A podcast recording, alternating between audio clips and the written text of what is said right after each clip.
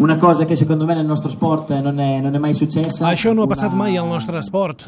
Una situació bastant compromesa. Márquez ha deciso che Márquez ha che decidit que jo no havia de guanyar aquest e campionat i ha fet de guardaespatlles de Lorenzo.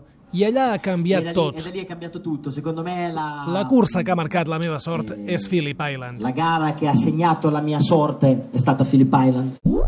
Ho rivisto la gara adesso, gli ultimi giri sono stati He veramente revisat la cursa i les perché darreres voltes han estat realment penoses, perquè Márquez e- era el e doble de ràpid que Lorenzo. S'ha quedat al darrere sense ensenyar-li la roda. No oblidem que el Marc sempre, ataca les últimes voltes i en general tota la cursa. A mi em va passar 10 vegades en una volta i amb Lorenzo s'ha estat 30 voltes al seu darrere protegint-li les esquenes. Eh, És tan clar com ho fa que fins i tot crec que ha disfrutat. Ha trovato felicità anche in questo. Questo è stato un biscottone calcio, ma di basso Això livello. ha estat com un partit arreglat de futbol, però de nivell baix. De nivell baix en tots els aspectes, però com aquells dos equips que es posen d'acord per empatar. Em sap greu, perquè això no havia passat mai a MotoGP. S'han vist ajudes, però eren entre companys d'equip. Eh, I n'hi ha un que avui ha decidit fer-ho així per una revenja personal. És força, força brut. È abbastanza brutto.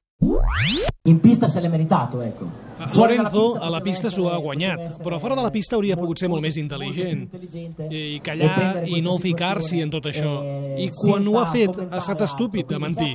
I potser ja estaven conxabats tots dos. Aveva la coda di paglia e forse erano d'accordo, ecco.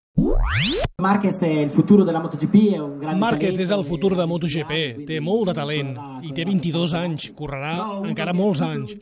Però s'ha passat tot el cap de setmana mentint, a cada ocasió dient que donaria el màxim per superar Lorenzo.